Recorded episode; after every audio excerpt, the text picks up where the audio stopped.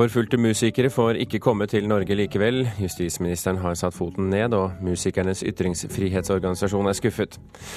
Det mye omdiskuterte maleriet Helsedepartementet bestilte, men så avbestilte, stilles nå ut for publikum. Og vil du fremstå som mer kompetent, dropp dressen og slipset, viser ny studie. Du hører på Kulturnytt med Birger Kolsrud Aasund helt uten slips i studio. Det blir ingen fribyordning for forfulgte musikere likevel. Norge har en fribyordning som gir forfulgte forfattere oppholdstillatelse, men Justisdepartementet sier nei til en ordning for musikere i samme situasjon. For forfatteren Sudabe Sodabe Ali Sai kom skrivelysten da hun gjennom fribyordningen fikk oppholdstillatelse i Norge. Ordner bare strømmer Så kommer. Hun fikk ikke skrive det hun ville som forfatter i Iran. Men gjennom fribyordningen har Sodabe Ali-Shahi fått oppholdstillatelse i Norge. I en by som har tilrettelagt for at hun skal få skrive akkurat det hun vil. Det er sånn som er fantastisk. Det er mange kolleger, mange musikere, komponister og også tradisjonsbærere på musikkområdet som, eh, som lider, som ikke kan eh, utøve kunsten sin. Det sier prosjektleder i norske Freemuse, Jan Lote Eriksen. I to år har de jobbet for at også musikere som er forfulgt i eget hjemland, skal få benytte seg av fribyordningen i Norge. Og i Harstad står et flygel og venter på sin nye pianist. Men justisministeren har satt ned foten. Det blir ingen fribyordning for forfulgte musikere. Det sa vår reporter Siran Ildirim. Tine Tangsund eh, fra Freemuse, musikernes ytringsfrihetsorganisasjon. Eh, skuffet? Vi er selvfølgelig skuffet, men eh, vi satser på at vi skal få til noe allikevel. Hvor, hvor stort er behovet for fribyordning for musikere? Vi har en samarbeidspartner i Danmark som heter Freemuse, som dokumenterer brudd på ytringsfriheten. Og i 2013 så dokumenterte de 109 brudd.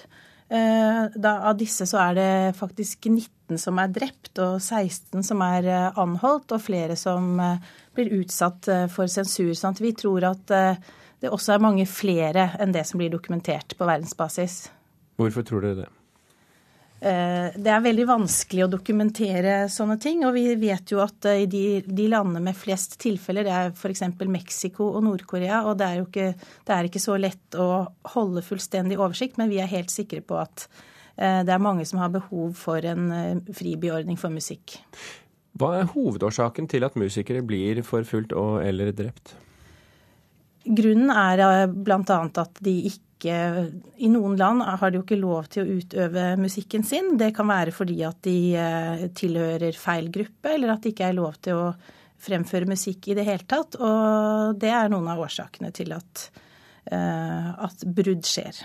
Du snakket om Mexico og Nord-Korea. Er det andre land som er oppe på den listen? Eh, vi har Iran, Kina, Tunisia og Tyrkia, blant annet. Mm. Eh, Freemuse eh, har jo etterlyst en utvidelse av dette fribyprosjektet eh, allerede i 2009. og Da sa Icorn, det internasjonale fribynettverket, at de syntes det var for tidlig å utvide, og at de fryktet at hvis de åpnet, så vil de åpne for alle typer kunstnere og vanskelig å sette grenser. Um, og Det samme sa Justisdepartementet i NRK i, kveld, NRK i går kveld. Vi skal høre kommentaren fra statssekretær Vidar Brein-Karlsen. Vi eh, ser ikke grunn til å, å, endre og utvide antallet sånne særordninger, nettopp for at eh, vi skal ha mulighet til å behandle alle som kommer og som skal få beskyttelse, på en god måte. Ja, Justisdepartementet ble selvfølgelig invitert, men ville ikke stille opp i Kulturnytt i dag og, og, og viste til denne uttalelsen her. Eh, hva syns du om argumentet, Tangestuen? Jeg tenker jo at det er noen grupper som går foran i endringsprosesser eh, rundt omkring i verden, og at eh, de personene kanskje trenger støtte eh, på en annen måte enn majoriteten. Men, men, dersom det åpnes for musikere, så vil vel kanskje også dansere og filmskapere og komikere og andre kulturaktører ønske seg lignende ordninger. Forstår du at politikerne er tilbakeholdne her? Eh, jeg kan vel ha en viss forståelse for det, men, eh, men, eh, jeg tenker jo også at det er jo ikke noen grunn til at det bare er, skal være forfattere og skribenter som skal ha en sånn ordning, men at det også bør gjelde for kunstfeltet generelt. Dere som jobber med ytringsfrihet for musikere, hvorfor må de ha egne fribyer? Hvorfor kan det ikke arbeides med forholdene der i det landet de bor? Det er klart at eh, det må foregå parallelt, men det er jo lange prosesser å endre regimer. Sånn at noen personer de har jo behov for akutt eh, hjelp og en mulighet til å komme ut av landet sitt for å få lov til å fortsette med sin eh, aktivitet og sin ytringsfrihet på kunstfeltet. Du, du startet uh, intervjuet med å si at dere ikke har akkurat tenkt å gi opp, nå har planer for uh, videre kamp. Hva, hva er det du sikter til da?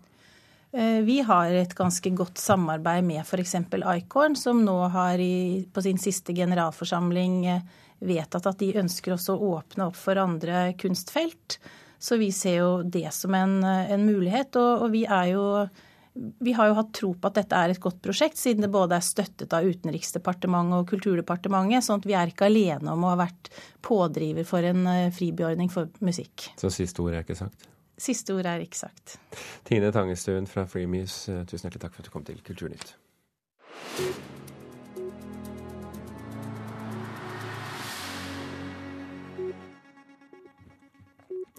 Motorsykkelklubben Hells Angels vil eh, beskytte sine norske klubblogoer mot kopiering og misbruk.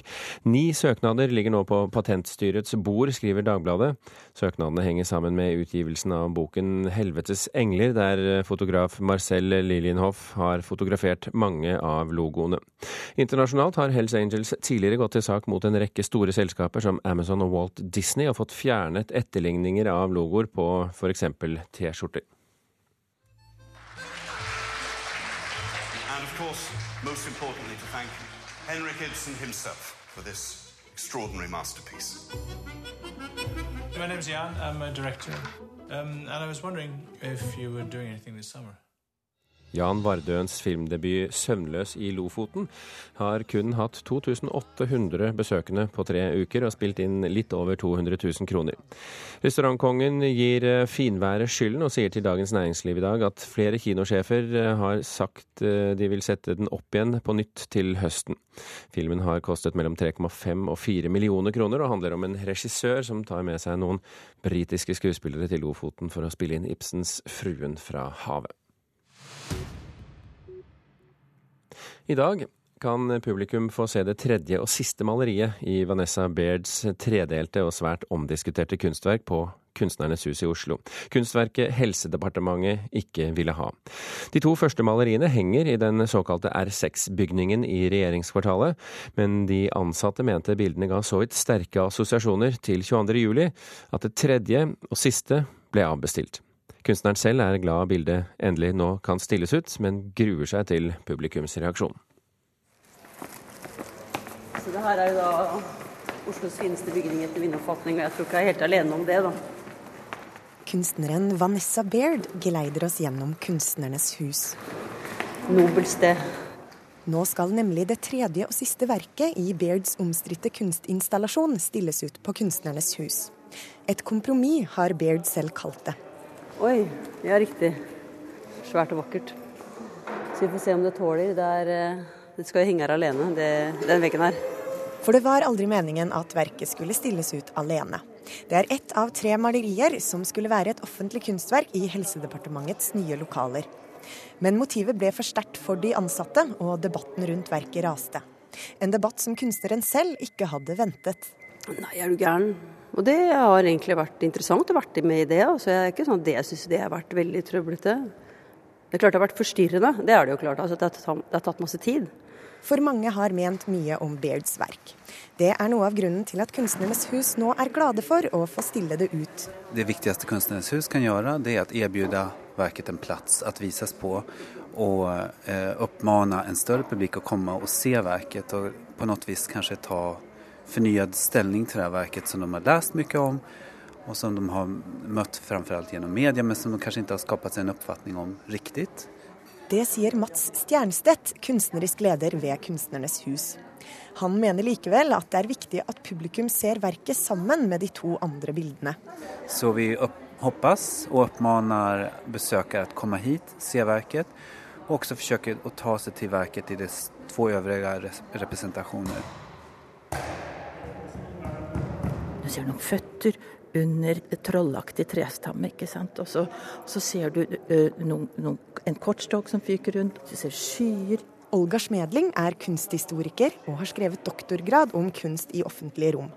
Hun mener det er balansen mellom de personlige detaljene og de offentlige referansene som gjør at Bairds verk vekker så mange reaksjoner. Et kunstverk som er så mangefasettert og rikt som Vanessa Bairds kunstverk er, det, det gir jo tilsvarende differensierte reaksjoner hos folk.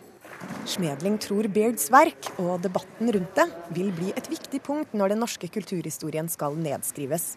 Hun trekker paralleller til Edvard Munchs 'Solen', som skulle utsmykke universitetets aula.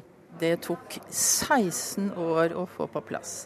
Og eh, så var jo dette et radikalt arbeid som ikke fulgte eh, monumentets konvensjoner på den tiden.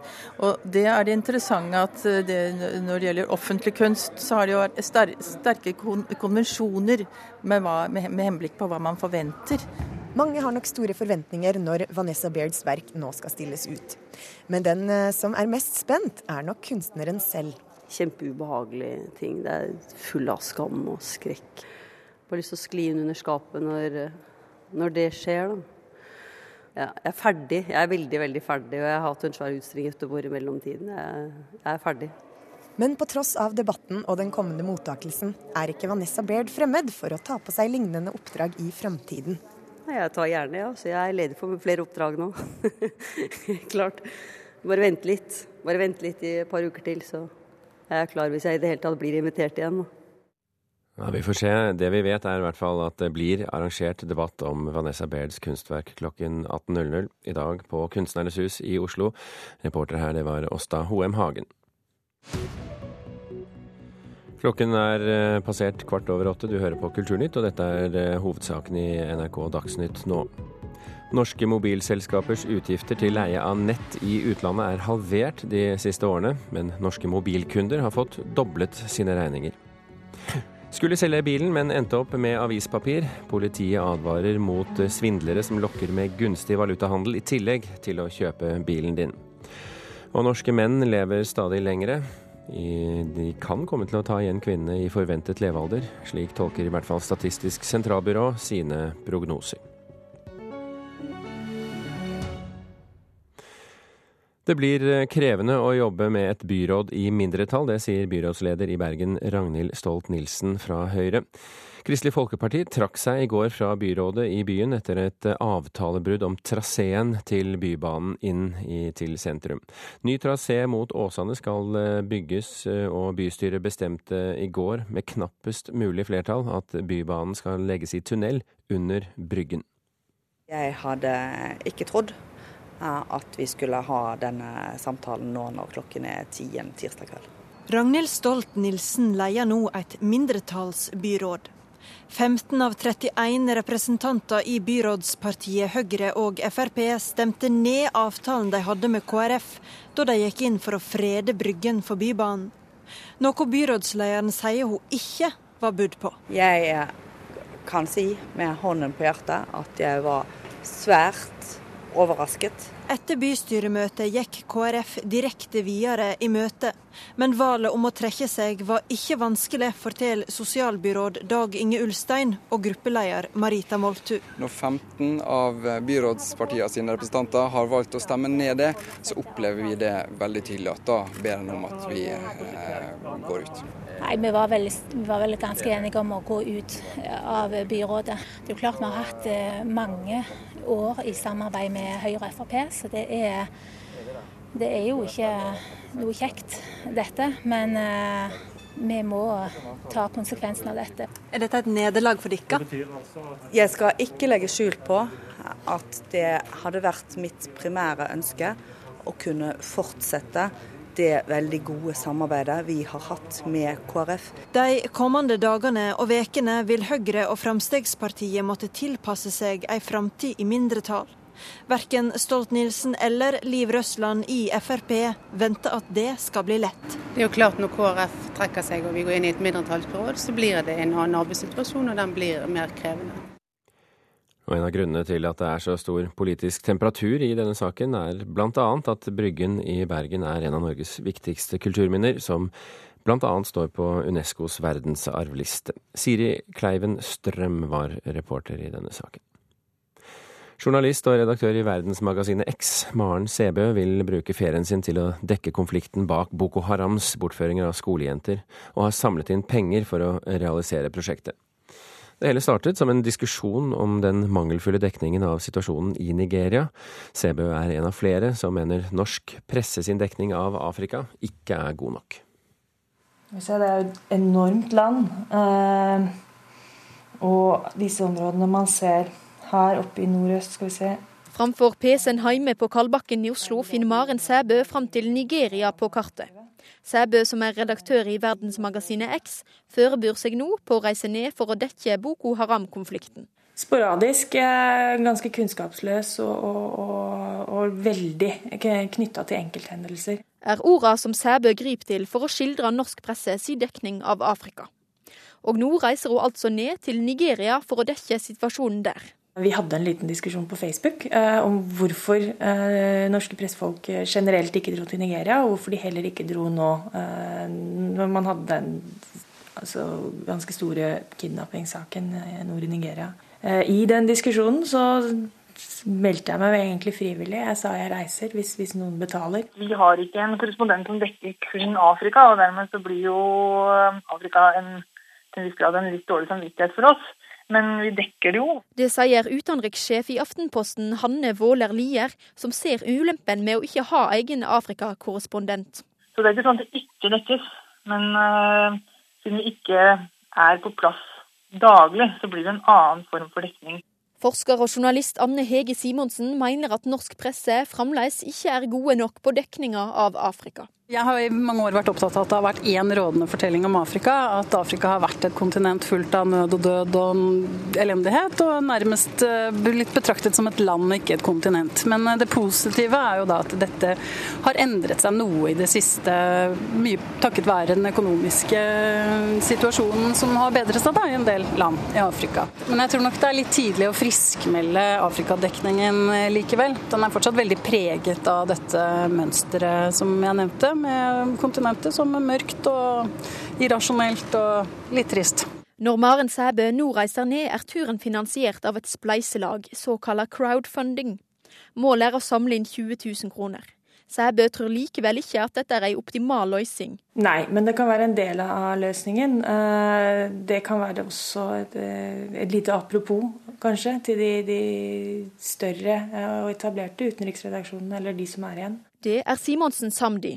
Selv om det er veldig, veldig, fint at noen får reist på den måten, så løser det ikke de mer strukturelle problemene som utenriksjournalistikken har, da. Reporter her, det var Guro Kvalnes.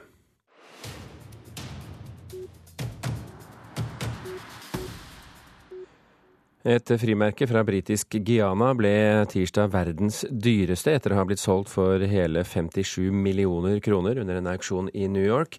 Det første budet under Sotheby's-auksjonen lød på 27 millioner kroner, og to hektiske minutter og 30 millioner kroner senere fikk en anonym kjøper tilslaget via telefon. Det lille Magenta-frimerket fra 1856 med et pålydende av én cent skal være det eneste i sitt slag i verden. Rom Eiendom har fått statens byggeskikkpris for 2014 for nybygget i Oslo sentrum, som er blitt hovedkontor for NSB og Gjensidige Forsikring. Bygget tar vare på det beste i vår kulturarv og peker samtidig fremover, sa kommunal- og moderniseringsminister Jan Tore Sanner under overrekkelsen i går. Bygget er tegnet av Lund og Slåtto-arkitekter, mens Bjørbekk og Lindheim har vært landskapsarkitekt. 56 bygg var påmeldt, åtte gikk videre til finalen, der altså Rom Eiendom til slutt fikk prisen. Vinneren for 200 000 kroner. Og Rom Eiendom er altså datterselskapet av NSB.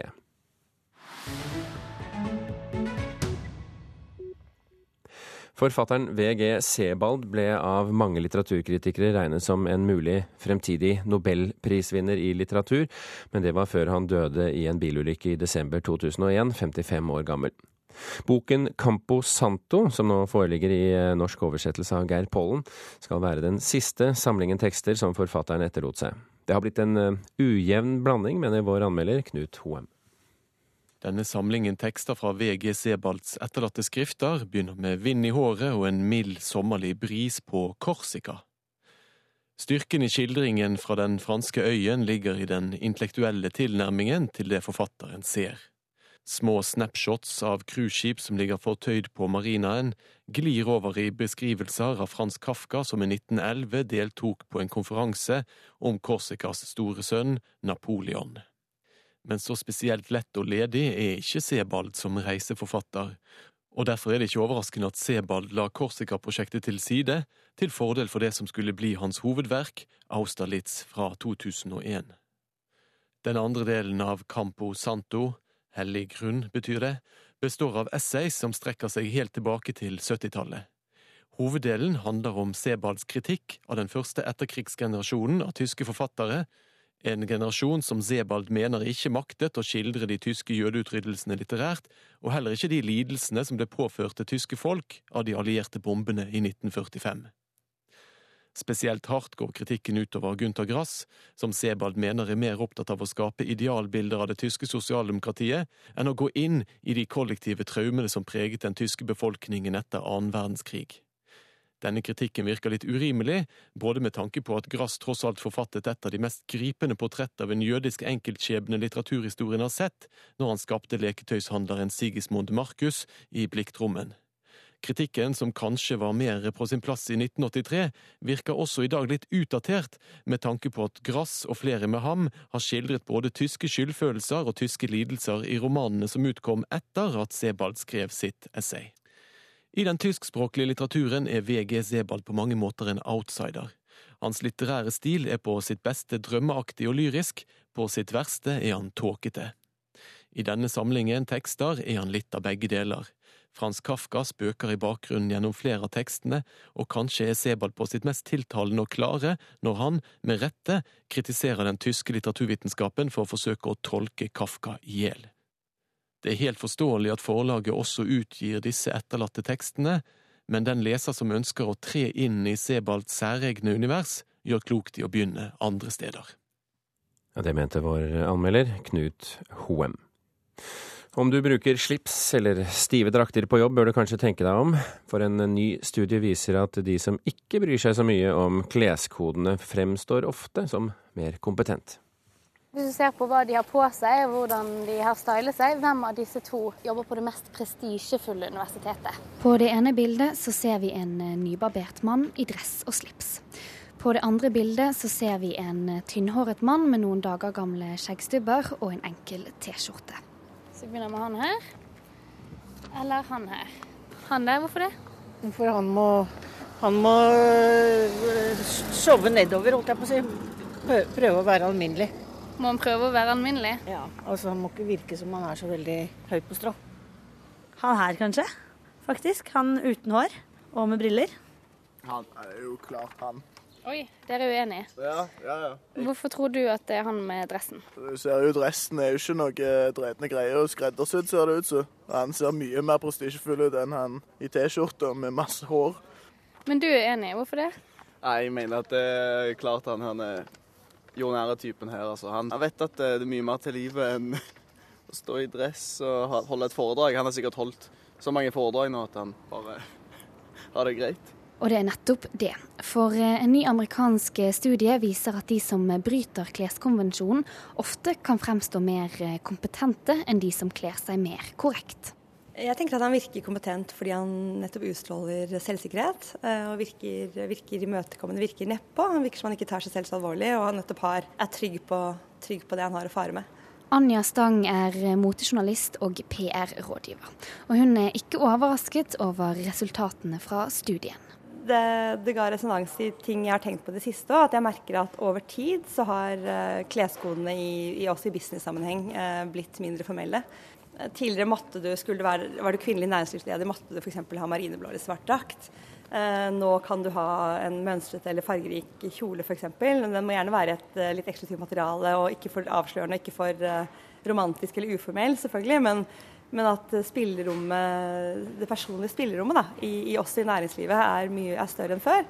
Stang tror endringene skyldes at folk i større grad vil vise frem personligheten sin, og at man samtidig vil være komfortabel. For er du komfortabel, så vil du også fremstå som mer troverdig. Man skal likevel ikke ta helt av. I den store sammenhengen så er det også noe med å kjenne reglene før du bryter dem. At du på en måte vet hva kodene, de offisielle kodene er, og så kan du gjøre din egen personlige vri. da, Fremfor å bryte dem sånn helt radikalt. At det kanskje er et mål mer og mer. At kan, det finnes mer spillerom der enn de gjorde før. og at er, jo flere som benytter det, jo mer vil man også utvide spillerommet. Kleskodene og motene har kanskje endret seg i de fleste sammenhenger. Men eh, det er spesielt ett sted hvor eh, draktene og slipsene fortsatt florerer. Og det er i politikken. For mange år siden så stylet jeg faktisk Jens Stoltenberg i en uh, oransje kasjmirgenser på et opptak. Og, det, det veldig, og, han kom rett fra ferie og var veldig brun og så fantastisk ut i det, syns jeg. Og ble, var veldig jordnær og veldig rett før han ble statsminister. Han var riktignok ikke det offisielt da, men han var kul som, som fant seg det. Men, uh, men, vi får se hvor mange oransje gensere det kommer inn i stortingssalen med det første. Det spørs vel, men tanken er god. Når tanken er god, er som kjent mye godt. Reporter her, det var Marie Røsland. Det var eh, Kulturnytt i dag, en sending hvor du bl.a. kunne høre at forfulgte musikere ikke får komme til eh, Norge likevel. Justisministeren har satt eh, foten ned for fribyordning, og musikernes ytringsfrihetsorganisasjon Freemuse er skuffet. Og du hørte at det mye omdiskuterte maleriet Helsedepartementet bestilte, men så avbestilte, stilles ut for publikum i dag. Og kunstneren Vanessa Baird føler både skrekk, skam og ubehag i forkant av utstillingen. Det var det. Hilde Tosterud, Gjermund Jappé og Birger Kolsrud Aasund leverer stafettpinnen her i Nyhetsmorgen over til Øystein Heggen.